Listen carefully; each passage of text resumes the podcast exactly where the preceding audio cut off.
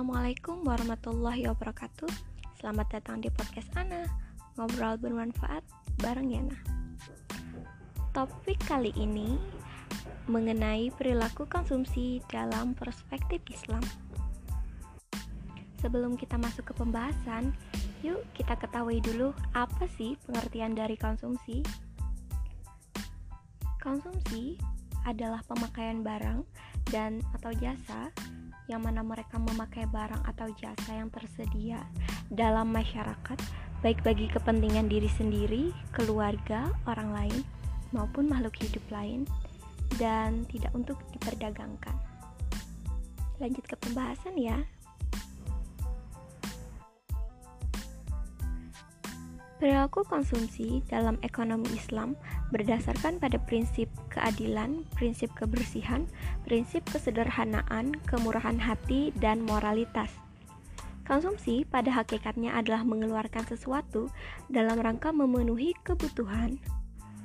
Dalam pendekatan ekonomi Islam, konsumsi adalah permintaan, sedangkan produksi adalah penawaran atau penyediaan.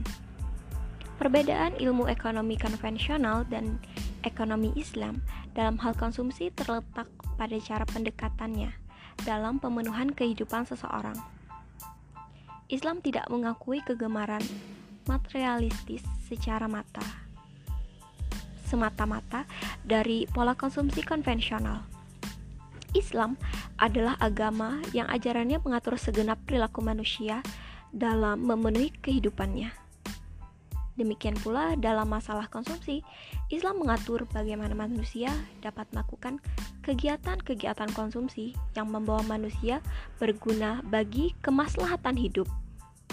Seluruh aturan Islam mengenai aktivitas konsumsi terdapat dalam Al-Quran dan As-Sunnah. Jadi, perilaku konsumsi yang sesuai dengan ketentuan Al-Quran dan As-Sunnah ini akan membawa perilaku pelakunya mencapai keberkahan dan kesejahteraan hidupnya. Syariat Islam menginginkan manusia mencapai dan memelihara kesejahteraannya.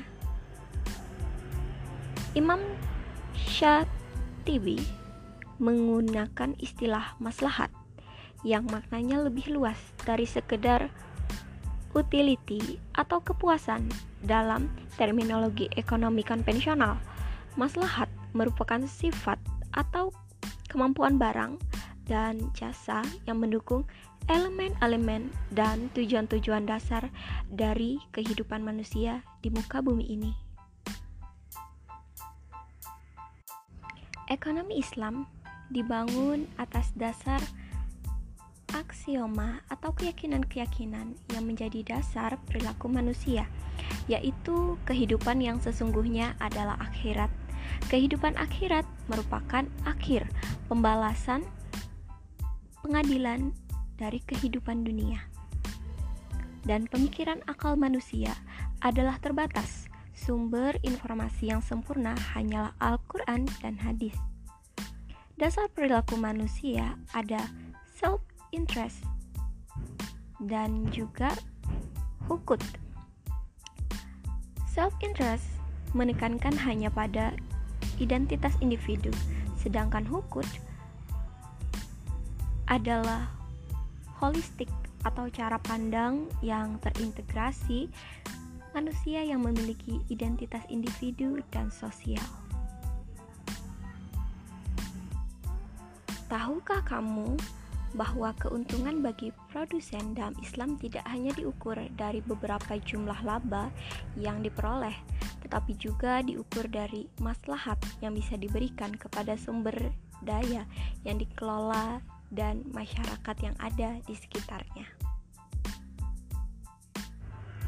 Dapat disimpulkan bahwa konsep Islamen menempatkan manusia sebagai hamba yang bertugas untuk beribadah dan sebagai khalifatullah yang harus mengemban amanah dan melaksanakan kegiatan maklumah bumi sebagai aktivitas duniawi.